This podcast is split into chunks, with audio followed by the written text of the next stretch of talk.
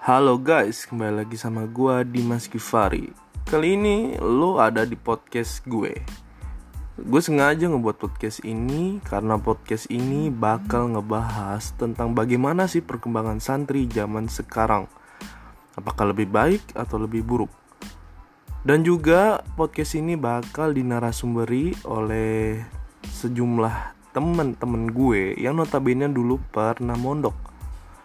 Oke kalau misalnya lu semua penasaran bagaimana sih perkembangan santri, lu bisa stay tune di podcast gue. Oke, thank you.